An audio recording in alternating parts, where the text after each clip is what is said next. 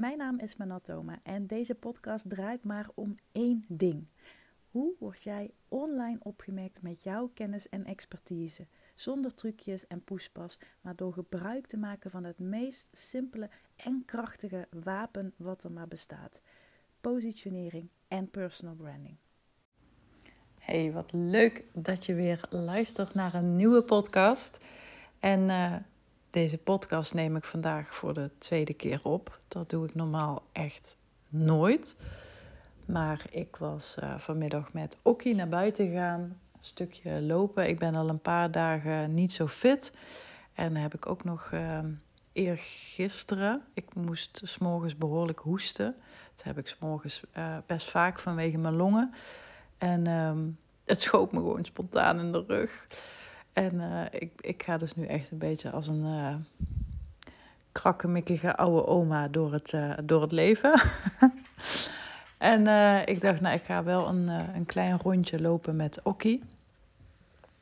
En al lopende een podcast opgenomen. En die podcast, naar aanleiding van een post die ik plaatste op Instagram en ook op LinkedIn over manifesteren kun je leren.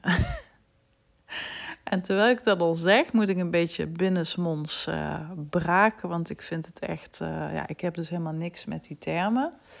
Um, maar ik heb wel iets met uh, de gedachtegang erachter. En ik ben er eigenlijk al nou, sinds een aantal maanden. Um, ook omdat er iets is, is, is voorgevallen in, in mijn leven wat ja, heel erg heftig is en uh, was. En um, nou, dat is niet iets om, uh, om nu uh, over te delen. als je mijn eerdere podcast hebt beluisterd, dan geef ik daarin ook het advies. Deel iets vanuit een litteken en niet vanuit een wond. Dus ehm, dat parkeer ik voor nu even, maar dat moment heeft wel iets in mij uh, getriggerd. Heeft me er eigenlijk een beetje aan helpen herinneren dat ik vroeger veel meer deed met. Ja, ik wil het niet het spirituele noemen, want dat, dat roept al meteen, denk ik, een bepaald beeld bij je op. Alsof ik uh, hè, met Sali uh, om mezelf heen aan het wapperen ben en iedere dag engelenkaartjes leg en mijn chakras knuffel en nou, onderneem volgens de stand van de maan. Dat doe ik dus absoluut niet. Ik ben super praktisch. Um, ik ben heel erg van de strategie. En daar heb ik jaren echt heel goed op gevaren. En nog steeds. Maar ik merk wel dat ik dit hele stuk een beetje heb weggestopt. En ik denk ook dat dat komt door wat ik net zei. Hè, dat er heerst gewoon een bepaald eh, beeld bij als je het over dit soort onderwerpen hebt. En ik wilde niet met die identiteit, zeg maar, um, ja, geassocieerd worden. Ik denk dat daarom uh, het, het vooral zit. Maar nu denk ik, ja, waarom eigenlijk ook niet? Ik heb daar ook best, denk ik, wel mijn eigen blik op, mijn eigen visie op. En die ga ik gewoon in deze podcast met je delen. Voor de tweede keer, want ik had hem dus, zoals ik net al zei, vanmiddag al opgenomen. En uh, het waaide best wel buiten, dus ik kom thuis en ik denk, ik uh, luister even een stukje terug. En er stond gewoon helemaal niks uh, op de band, om het zo maar te zeggen. Dus ik denk dat of mijn oortjes kapot zijn of, nou ja, ik weet eigenlijk niet zo goed wat. Dus ik, ik doe het voor een tweede keer.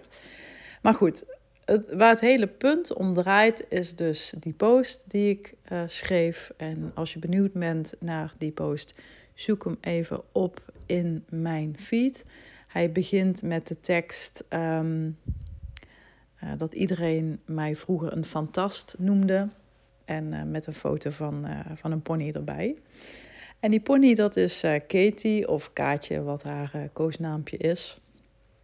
En Katie manifesteerde ik, wat ik dus echt een jeukterm vind. En maar ik kan je zo ook mijn, ja, mijn definities geven van, ja, van de termen die ik gewoon liever gebruik. Maar goed, Katie heb ik dus gemanifesteerd, om het zo maar te zeggen. En uh, ik ben nu 38 en ik kreeg Katie toen ik, ik moest nog 13 woorden zelfs. En zij zou nog drie moeten worden. Dus echt allebei guppies. En we zijn ook met z'n, uh, ja, we zijn echt samen opgegroeid. En inmiddels staat ze in de achterhoek te genieten van haar oude dagje. En uh, ja, we hebben samen echt heel veel avonturen beleefd. Maar goed, hoe, ja, hoe, hoe kwam dat tot stand? Nou, hoe ik het me nu heel erg herinner ook en, en terughaal, hoe ik altijd dit soort dingen ja, voor elkaar kreeg, kon, kon waarmaken. Um, ja, begint toch wel heel erg met fantaseren, waar dus ook die post over gaat. En voor mij spreekt fantaseren me gewoon meer aan dan visualiseren. Maar uiteindelijk komt het natuurlijk gewoon op hetzelfde neer. Maar ik denk als kind zijnde heb je heel erg een, een, uh, ja, een, een ongeremde uh, handeling daarin.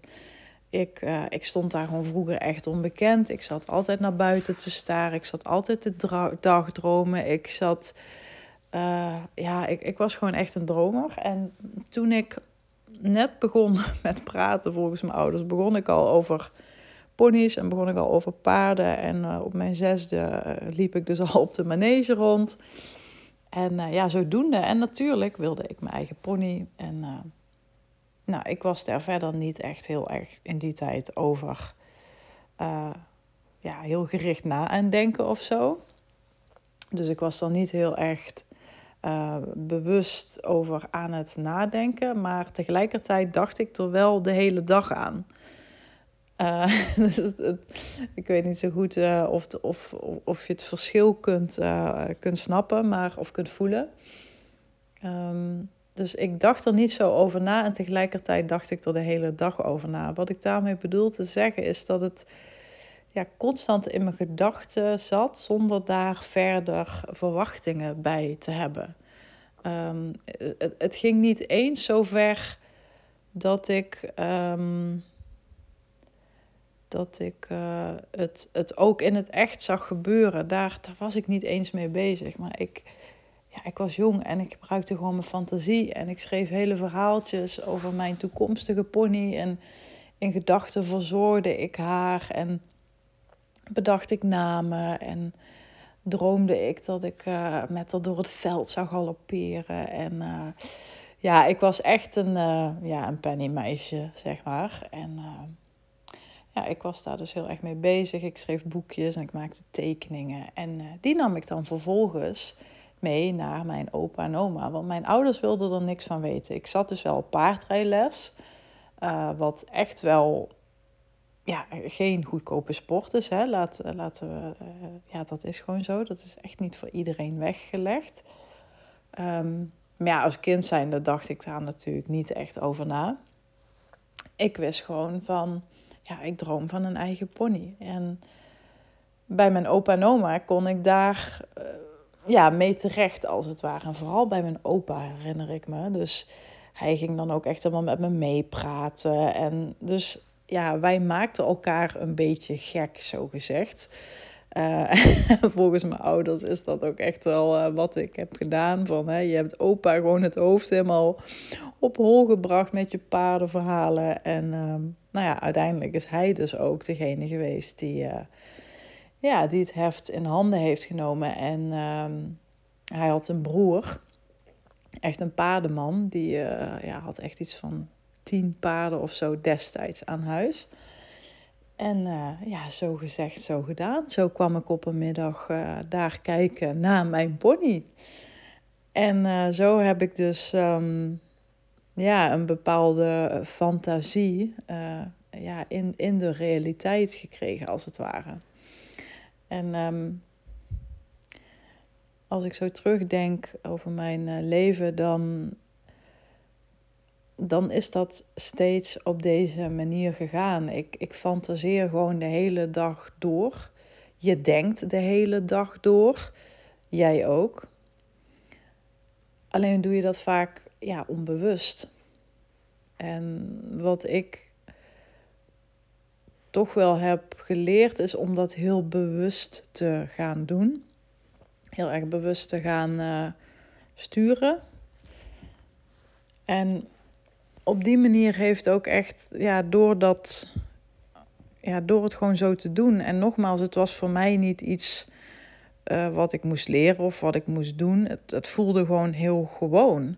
Maar als ik zo terugdenk, dan heeft zich op die manier wel het leven voor me ontvouwd, zeg maar. Dus ik, uh, ik, ik, ik, had op een gegeven moment stage en uh, ik werd daar eigenlijk doodongelukkig. En, en toen werd het zaadje in mijn hoofd geplant van een eigen bedrijf. Dat, dat ontstond gewoon. En daar begon ik steeds vaker over te fantaseren. Maar ja, ook niet, ik dacht er ook niet heel erg bij na. Ik dacht er wel heel veel aan, zoals ik net al zei. En ik denk dat ik veel eerder een eigen bedrijf had kunnen beginnen. Ik ben natuurlijk op mijn 21ste al uh, begonnen, maar dat deed ik dan een beetje erbij. En ik ben pas een aantal jaren later echt gewoon volledig losgegaan. Dus dat had eerder gekund. Uh, nou ja, en, en ook qua, hè, qua geld, want daar uh, draait, draaien dit soort onderwerpen natuurlijk ook heel vaak naartoe. Ik ben in de tijd dat ik ziek werd, had ik natuurlijk, en, en dit is wel even een mooi voorbeeld, want ik had vandaag iemand op Instagram die dat ook zei. Die zei van ja, ik, ik kots dus echt een beetje op de wet van aantrekking, want die mensen zeggen ook vaak dat je ziekte zelf heb, hebt uh, aangetrokken, dat je dat zelf hebt gemanifesteerd. En uh, ja, ik snap die irritatie heel goed. Ik, uh, ik heb dat soort dingen ook vaker te horen gekregen. En ja, dat, dat is natuurlijk niet tof om te horen. Maar dan denk ik ook dan weer, ja, je kunt die situatie misschien niet controleren, maar wel je gedachten over die situatie. En daar zit voor mij heel erg de kracht als je het hebt over de wet van aantrekking of welke term jij daar ook maar voor mag gebruiken. Um, en uh, als je het dan hebt over bijvoorbeeld dat geld, hè, wat ik net zei. Nou, ik werd uh, ziek in die tijd. En ik had natuurlijk heel erg in, die, ja, in dat slachtofferschap kunnen gaan zitten. En geloof me, dat doe ik regelmatig. Ik vind mezelf vaak heel erg vaak zielig. Uh, dus ik ben echt geen verlichte geest of zo. Maar ja, ik, ik, ik, ik, ik zag gewoon nog steeds voor me dat ik eh, zou groeien. En nou, vanaf dat moment ben ik echt zo erg gegroeid. Ik, ik, ik, weet niet of het per se door dat ziek zijn kwam. Um, maar misschien wel, ja, misschien aan de ene kant wel. Het heeft natuurlijk er wel voor gezorgd dat ik keuzes ging maken. En uh, dat ik heel veel dingen niet meer ging doen, maar de dingen die ik wel uh, deed, dat ik die beter ging doen. Dat is, dat, dat is natuurlijk ook een beetje de strekking wat ik vaak deel. Um, en, en dus ook daar heb ik heel erg die, ja, die, die, die fantasie gehad van, ja, ik, ik, ik ga dit gewoon lukken. Dit gaat mij gewoon lukken, no matter what. En um, ja, wat daarbij ook, als je het mij vraagt, heel erg speelt. En dan maak ik even een sprongetje naar mijn, uh, uh, naar mijn opleiding How to Fascinate. Het woord fascinate, fascinatie, komt van het Latijnse woord of Griekse woord, weet ik veel. Uh, fascinare, ik weet niet hoe je dat dan uitspreekt. Maar dat staat voor de meest intense staat van focus in het menselijke brein. Dus fascinatie staat voor de hoogst mogelijke staat van focus in het brein. En dat is, als je het mij vraagt, absoluut nodig als je wilt gaan manifesteren. je moet een fascinatie hebben voor de gedachten die je hebt. Want als het onderwerp of dat wat je wilt bereiken je niet op een bepaalde manier fascineert en op een bepaalde manier uh, die focus in je brein heeft, ja, ik denk dan dat het moeilijker wordt. En fascinatie staat ook heel erg vanuit Fascinate voor. Um, ja, je hoort misschien wel eens mensen zeggen, marketeers en business coaches, dat de aandachtspannen van een mens dat die korter is dan van een goudvis. En dat is gewoon echt klinkklare onzin. ja, er worden iedere dag heel veel berichten op ons afgevuurd. En ja, dat betekent dat we sneller zijn afgeleid. Maar het is onzin dat de mens een kortere aandachtspannen heeft. We worden gewoon kritischer en selectiever in, in wat en wie we willen volgen. Ga maar na als jij een heel goed boek leest, of een mooie film bekijkt, of een diepgaand gesprek met iemand hebt, of op een prachtige locatie of in een ver land bent, dan voel je wat fascinatie is. Dan voel je ja, alsof, alsof de tijd, alsof tijd niet bestaat. Dan uh, kun je opeens op de klok kijken en denken: holy shit, ben ik nu al een uur een boek aan het lezen? Ben ik nu al een uur dit aan het kijken? Dat is fascinatie, mensen. Dat is de meest intense staat van focus in je brein. En dat is dus ook, als je het mij vraagt, nodig bij het aantrekken of bij het genereren of bij het waarmaken van dat wat je echt wil. Je moet, je moet die fascinatie voelen.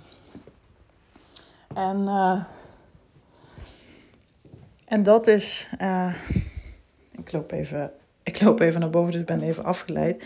Maar dat is dus, als je het mij vraagt, waar, dat is stap 1 in in waar het voor mij begint. Je moet fantaseren. Nou ja, je moet niks.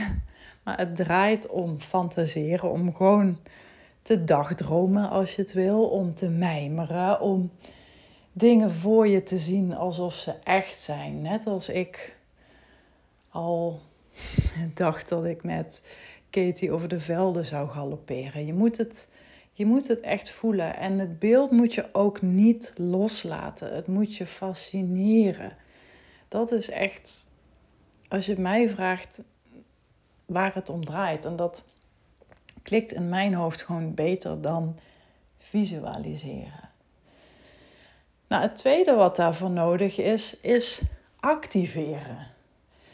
En um, ja, dit is ook iets wat ik, wat ik ja, gewoon vaak zie en voel. En waardoor ik er misschien zelf ook een beetje voor wegliep vaak. Um, ja, er hangt gewoon een bepaald beeld in, rondom dit wereldje. Uh, dat je, nou ja, weet ik veel, gaat kijken naar de stand van de maan. En uh, ja, een kaartje gaat leggen en uh, ja, gaat voelen. En, en allemaal leuk en aardig, hè. Doe wat je wil. Maar waar het mij echt om draait, is dat je ook echte, echte acties gaat zetten. Welke kleine actie kun je nu zetten om in beweging te komen naar dat grotere doel wat je hebt, of naar dat gewenste verlangen, of nou, in ieder geval dat beeld waar je over fantaseert en wat je fascineert? Wat is dan nu de eerste kleine stap die je kunt zetten? En ja, om even dat voorbeeld aan te halen. Ik ging natuurlijk met mijn fantasietjes uh, tekeningen maken, verhaaltjes schrijven. Het kwam echt tot leven. En die tekeningen en die verhalen, dat, dat besprak ik met mijn opa. En ik liet hem advertenties in de krant zien van, ja, toen waren er nog paardenmarkten. Ik weet niet eens of dat nu nog mag of, of is. Maar ik was daar heel erg mee bezig en ik besprak het. Ik deelde het. Ik, ik, ik, ik zette voor mijn, ja, voor, voor mijn twaalfjarige ik, zette ik de acties waarvan ik dacht. Oh ja, dit, dit, uh, dit, dit gaat er misschien ooit wel voor zorgen dat ik dan een, een pony kan hebben. En, en nog zonder dat ik daarbij op dat moment heel bewust daarmee bezig was met van ik moet het nu krijgen. Maar ik was wel heel echt die acties aan het doen. En nu denk je misschien van ja, wat een stom voorbeeld. Maar ja, een ander voorbeeld, als jij een bepaald omzetdoel hebt of uh, je, je droomt dat je bedrijf in, in omzet uh, verdriedubbelt of zo. Ik roep me even iets, hè. Ja, dan kun je natuurlijk heel erg gaan uh, visualiseren en maar hopen dat het, dat het goed komt, dat het universum je gunstig gestemd is en dat morgen opeens 30 klanten op de stoep staan. Ja, who knows, hè? de wonderen zijn de wereld natuurlijk niet uit. Maar ja, je kunt ook besluiten om die dag uh, een aantal oud-klanten een berichtje te sturen met de vraag: ja, weet je nog iemand die hierbij hulp nodig heeft of zo? Ik noem maar even iets. Dus dat zijn de echt concrete, praktische acties die je gewoon moet zetten. Gewoon strategisch zetten. Nadenken. Wat, wat is nu een slimme eerstvolgende zet? Net als met schaken. He, echte, echte schaakmeesters die hebben in hun hoofd het spel al gespeeld. Maar ze beginnen wel met een eerste openingsset. Daarmee bepalen ze de uitkomst van het spel. Zo moet je het eigenlijk zien. En uh, ja, die derde stap is dan natuurlijk realiseren. Dus je hebt fantaseren, activeren en realiseren. Ieder stapje dat je zet brengt je dichter bij de realisatie van jouw fascinatie. of van jouw visualisatie, hoe je het ook noemen wilt. want eh, stel je voor, jij eh, je wilt gespierder worden of, of, of sterker of, of fitter. Uh, dan, dan, dan heb je een bepaald plaatje in je hoofd daarvan. Nou, dan ga je de acties zetten. Je gaat een fitnessabonnementje afsluiten. Of um, je gaat iedere dag uh, een uur wandelen. Weet ik veel. En dan zul je steeds meer zien dat stap 3, dat die realisatie gebeurt. Je voelt dat die verandering optreedt. Je merkt dat het effect heeft. En dat moedigt je hoogstwaarschijnlijk weer aan, omdat, je, omdat dat goed voelt. Omdat je voelt dat de stappen die je zet, dat die zijn vruchten afwerpen. En, en dat draagt weer bij en dat geeft je weer een goed gevoel. En dat maakt dat je denkt ja, ik kan het gewoon waarmaken. Dit lukt me. En, ehm, en dan wordt het waar. En dan wordt het een realisatie. Dus ja, het is. Ehm, het zijn andere woorden die ik gebruik. Uh, en dat doe ik ook, denk ik, bewust. Want ja, de kracht van taal en de kracht van woorden en wat woorden voor jou betekenen, wat ze in je oproepen, oproepen dat doet natuurlijk heel veel. Uh, en, en misschien ben je net zoals mij ook een redelijk nuchtere Harry en heb je niet zo heel veel op met dat hele wet van aantrekking en um, visualiseren, manifesteren. En misschien heeft dit je op een andere manier nu, ja, de, de, ik wil niet zeggen de, de ogen geopend, maar misschien heb je er wel heel veel aan. Want ik, uh, ik merk gewoon bij mezelf dat ik dit stuk heel erg heb, uh, ja, een beetje heb weggestopt. Heel erg ben gaan varen op, op, op strategie en op de acties en de skills. En daar is natuurlijk niks mis mee, hè, want die heb je nodig. Het, het gebeurt allemaal niet voor niets, zeg maar. Maar ja, dit, dit stuk is ook iets wat, ja, wat, wat ik weer in mezelf heb, uh, ja, ontdekt, als het ware. Ik had het daar toevallig gisteren ook nog met uh, Florine over. Met Florine heb ik heel kort uh, samengewerkt. Ik heb haar destijds uh, even geholpen met het aanbod. En, nou, en daar heb ik nog steeds heel fijn contact mee. En zij is topsporter geweest en heeft ook vanuit die topsporthoek heel veel over dit soort zaken geleerd. Alleen dan ook weer op een ja, veel meer een praktischere hoek. En, en ook veel meer vanuit psychologie en vanuit, uh, ja, vanuit gedrag. En dus ja, het, het is gewoon een heel andere invalshoek misschien hoe ik het, uh, ja, hoe ik het nu gebruik. Maar ja, bij mij, ja, bij mij werkt het uh, heel goed. En, en ik hoop dat het jou ook gaat helpen, want daar geloof ik wel in. Je gedachten zijn wel sturend. Hè? Dus, dus wat ik net al zei, ik, ik ben ook echt wars van mensen die zeggen van ja, je ellende en oorlog en, en ziektes trek je allemaal zelf aan. Zo sta ik er niet in. Uh, wat ik al zei, sommige dingen gebeuren gewoon. Het leven gooit soms shit naar je toe. Dat is ook gewoon het leven. Dat is ook gewoon de natuur. Um, zo werkt het gewoon eenmaal. Dus een situatie is soms gewoon een situatie. Het gaat erom hoe je erover denkt. Je hebt geen invloed op de situatie, maar wel hoe je erover denkt. En dat is gewoon waar ik, uh, ja, dat is gewoon waar ik heel erg in geloof. En uh, dat wil ik je heel erg meegeven. Dus ik hoop dat dit, uh, ja, dat dit je heeft geholpen. Laat het uh, zeker even weten als je deze aflevering hebt beluisterd. Ik ben heel erg benieuwd wat je ervan vindt. Want dit is natuurlijk iets wat ik, uh, ja, wat je niet van mij gewend bent. Dus ik, ik snap het ook echt helemaal als je denkt, huh? wat, uh, wat is dit? Maar um, ja, ik hoop dat het je inspireert. Laat het me weten. Ik kijk uit naar je reactie. En ik spreek je gauw weer in een volgende podcast. Bye bye.